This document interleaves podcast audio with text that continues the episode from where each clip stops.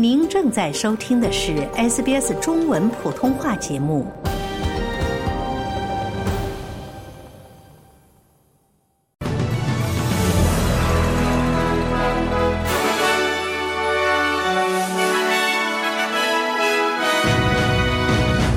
澳大利亚联邦政府表示将保持一个中国政策。瑙鲁与台湾断绝外交关系。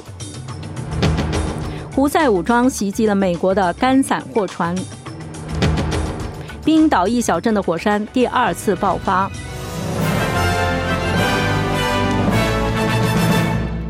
下面我们来了解详细内容。援助组织希望外交部长黄英贤在访问中东期间推动以色列和哈马斯之间的停火。黄参议员将在访问以色列和约旦河西岸以及约旦和阿拉伯联合酋长国期间会见这些地区的同行。援助组织国际特色组织表示，黄参议员对该地区的访问应该重点讨论如何实现停火。国际特色组织发言人穆罕默德·杜阿尔表示，自战争爆发以来的一百天里，他们看到了对人权的令人不寒而栗的漠视。他说，该组织多次记录冲突各方犯下的战争罪行。在台湾民进党赢得历史性的连续第三届任期后，澳大利亚联邦政府表示将保持一个中国政策。总理阿尔巴尼斯祝贺当选总统赖清德获胜，并表示澳洲政府尊重台湾的民主进程和结果。昨天在接受澳广 ABC 全国广播电台节目的新年首次采访时，阿尔巴尼斯讨论了外交政策的多个领域，包括澳大利亚支持联合行动打击胡塞武装对也门红海航道的袭击，驳斥了有关澳大利亚支持不够的说法。对于赖清德的胜选，预计这一结果将加剧台湾与中国政府的紧张关系。阿尔巴尼斯表示，澳大利亚将继续致力于其长期的两党一致的一个中国政策。北领地矿业与天然气部部长表示，在联邦法院驳回地为传统所有者的诉讼请求之后，他对桑托斯公司的巴罗萨输油管道将继续推进感到非常兴奋。吉基拉鲁乌传统所有者西蒙蒙卡拉曾就该管道提起诉讼。他认为该管道将破坏地文海水下的神圣文化遗址。十一月，法院发布了一项紧急禁令，在天然气出口管道工程即将开工的前几个小时停止了施工。但是，联邦法院已于周一驳回此案，命令地委岛民申请人向桑托斯公司支付费用。北领地部长马克·莫纳汉对这一判决表示欢迎，称这表明桑托斯已经履行了自己的义务。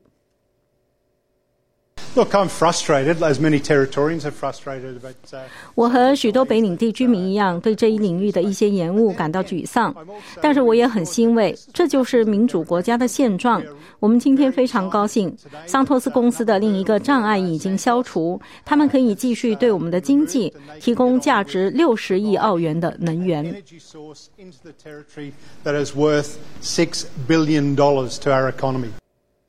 新数据显示，努力寻找经济适用房的租房者的困境正在进一步加剧。房产数据集团 Collogy 称，房租价格的增长速度已经连续第二年超过房价的增长速度。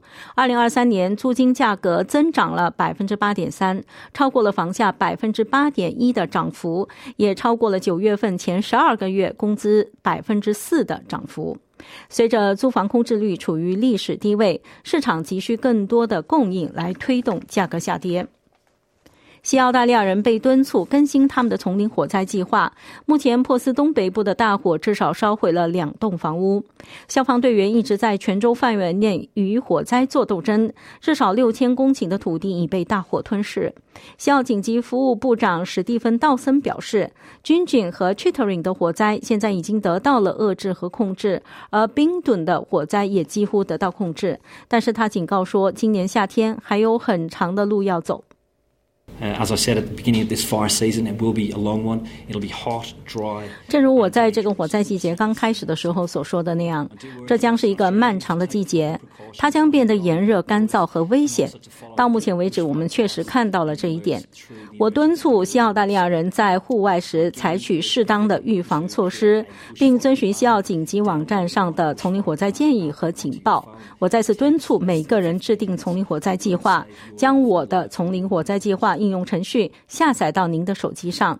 这只需要不到十五分钟的时间，但是它可以挽救您的性命和您所爱的人的生活。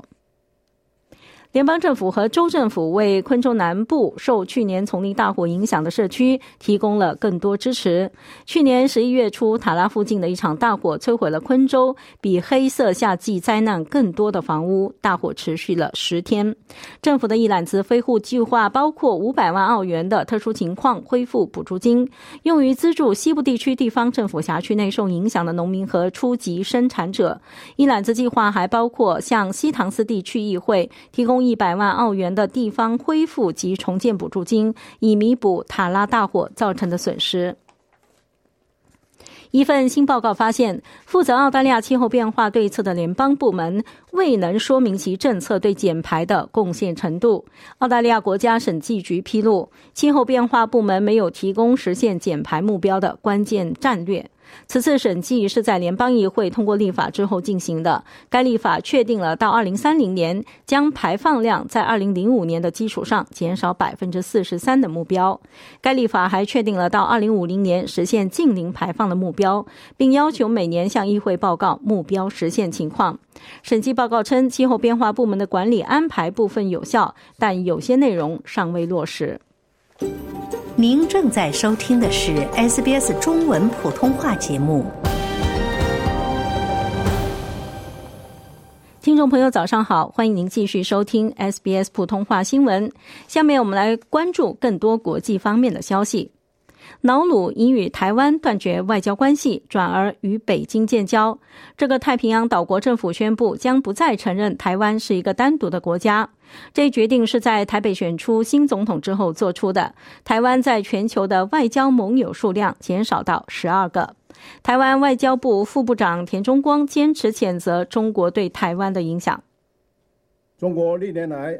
Over the years, China has been deliberately seeking to seize our diplomatic allies. 他说：“中国历年来一直处心积虑地寻找夺夺取我们的邦交国。与瑙鲁政府的建交谈判已经开始。中国特意选择在这个关键时刻发起台湾与瑙鲁的断交。”台湾按照民主程序完成了总统选举。中国的意图是打击台湾人民引以为豪的台湾民主和自由，其行为让世界看到了共产极权主义的本质。中国呼吁就加沙战争召开大规模、权威性的和平会议，并制定实施两国解决方案的时间表。在埃及举行的会谈中，中国外长王毅表示，国际社会应该认真倾听中东国家的合理关切。他说，实现停火是当务之急，并指出加沙迄今已有两万多人死亡。加沙地带基础设施被全面的摧毁，两百多万加沙民众挣扎在。生存的边缘，必须有效落实安理会关于加沙人道援助的决议，尽快设立人道救援的机制，确保救援的物资快速、安全、无障碍、可持续的运抵到加沙民众的手中。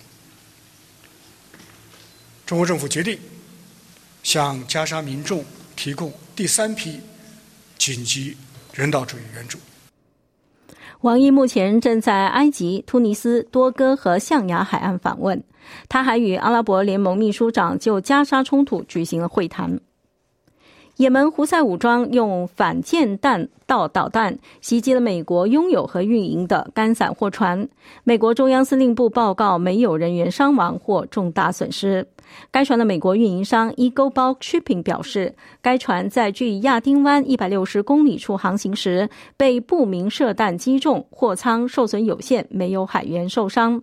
控制也门红海海岸大部分地区的与伊朗结盟的胡塞武装一直在袭击他们所说的与以色列有联系或者开往以色列港口的地区的商船。他们称此举旨在支持巴勒斯坦人在加沙对抗哈马斯的战争。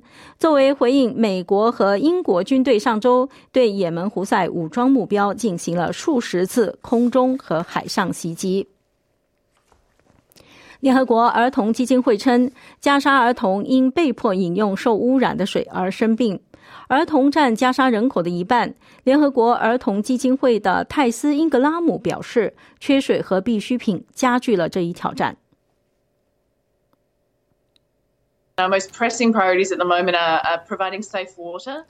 目前，我们最紧迫的任务是为加沙儿童提供安全饮用水。安全清洁的饮用水确实不够，他们不得不喝咸水或者被污染的水，这让他们生病。几天前，我们采访了一位医生，他说他看到腹泻、呼吸道感染，甚至甲型肝炎等疾病的病例与日俱增，而他们却没有治疗这些疾病所需的药物。冰岛西南部的渔业小镇格林达维克的一座火山，在不到一个月的时间里第二次爆发，当地的困难状况仍在持续。火山于上周末在该镇北部开始喷发，在喷发数小时前，由于担心地震活动即将导致火山爆发，该镇自十一月以来第二次疏散了居民。格林达维克位于冰岛首都雷克雅未克西南约四十公里处，当局建造了屏障以防止火山熔岩进入，但是最近的火山喷发已经穿透了该镇的防御屏障。冰岛民防局局长维奥尔雷尼松表示，该镇目前处于紧急状态。我们不知道火山爆发会持续多久，也不知道未来几天火山爆发会如何发展。我们仍在建造一些屏障，试图将熔岩引向格林达维克以西，但屏障内的裂缝已经打开，镇上已经有熔岩。现在我们正在研究是否有可能设置一些屏障。或者通过冷却熔岩的方式转移熔岩。无论如何，都要让熔岩远离港口和工业区，因为那里是该镇的中心地带。火山爆发前的几个小时内，发生了两百多次震级高达三点五级的地震，导致格林达维克的居民撤离。因2023年美国编剧协会大罢工和2023年美国演员工会大罢工，推迟了艾美奖颁奖典礼到2024年的一月。媒体王朝题材电视剧《继承之战》成为许多最高荣誉的热门奖项。这部讲述残忍的罗伊家族的 HBO 系列剧第四季也是最后一季，获得了二十七项提名，在所有提名影片中名列前茅。红毯晚会将于中午十二点美国东部时间一月十六号星期二在洛杉矶市中心进行现场直播。《继承之战》被认为是最佳剧集最高荣誉的热门之选，该剧已经两次获。得该奖项，最佳喜剧系列片的热门甄选还不太清楚。泰德拉索和餐厅喜剧《熊》是该奖项的热门首选。再来关注网球。新晋世界排名第十的亚历克斯·德米纳尔晋级澳大利亚网球公开赛第二轮。比赛开始之后，德米纳尔和拉奥尼奇两人各赢一盘。第三盘，这位澳大利亚人以二比零领先，但是拉奥尼奇因伤退赛。这位二十四岁的选手现在将在第二轮比赛中对阵意大利选手马泰奥·阿纳尔迪。德米纳尔表示，他对自己的比赛方式感到满意，并且计划继续保持下去。Keep going. I mean, it's pretty simple. 我将继续前进。我的意思是，这很简单，我不会有任何改变。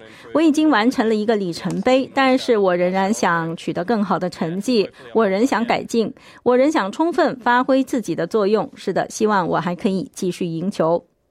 出战男单的中国选手张之臻战胜了阿根廷选手科里亚，赢得了他在澳网正赛的首胜，为中国队夺得了开门红。新闻节目的最后，我们来关注澳大利亚元的汇率和天气情况。在国际货币市场上，一澳元兑换零点六六五美元，一点零七四新西兰元；同时，一澳元可以兑换四点七四三元人民币，五点二零八港币，二十点八二八新台币。下面是天气情况。悉尼有阵雨，最高温度二十七度；墨尔本晴，最高温度三十度；布里斯班有阵雨，最高温度二十九度；堪培拉有阵雨，最高温度二十三度；阿德莱德多云，最高温度三十三度；珀斯多云，最高温度四十一度；达尔文有暴雨，最高温度三十一度；霍巴特晴，最高温度二十九度。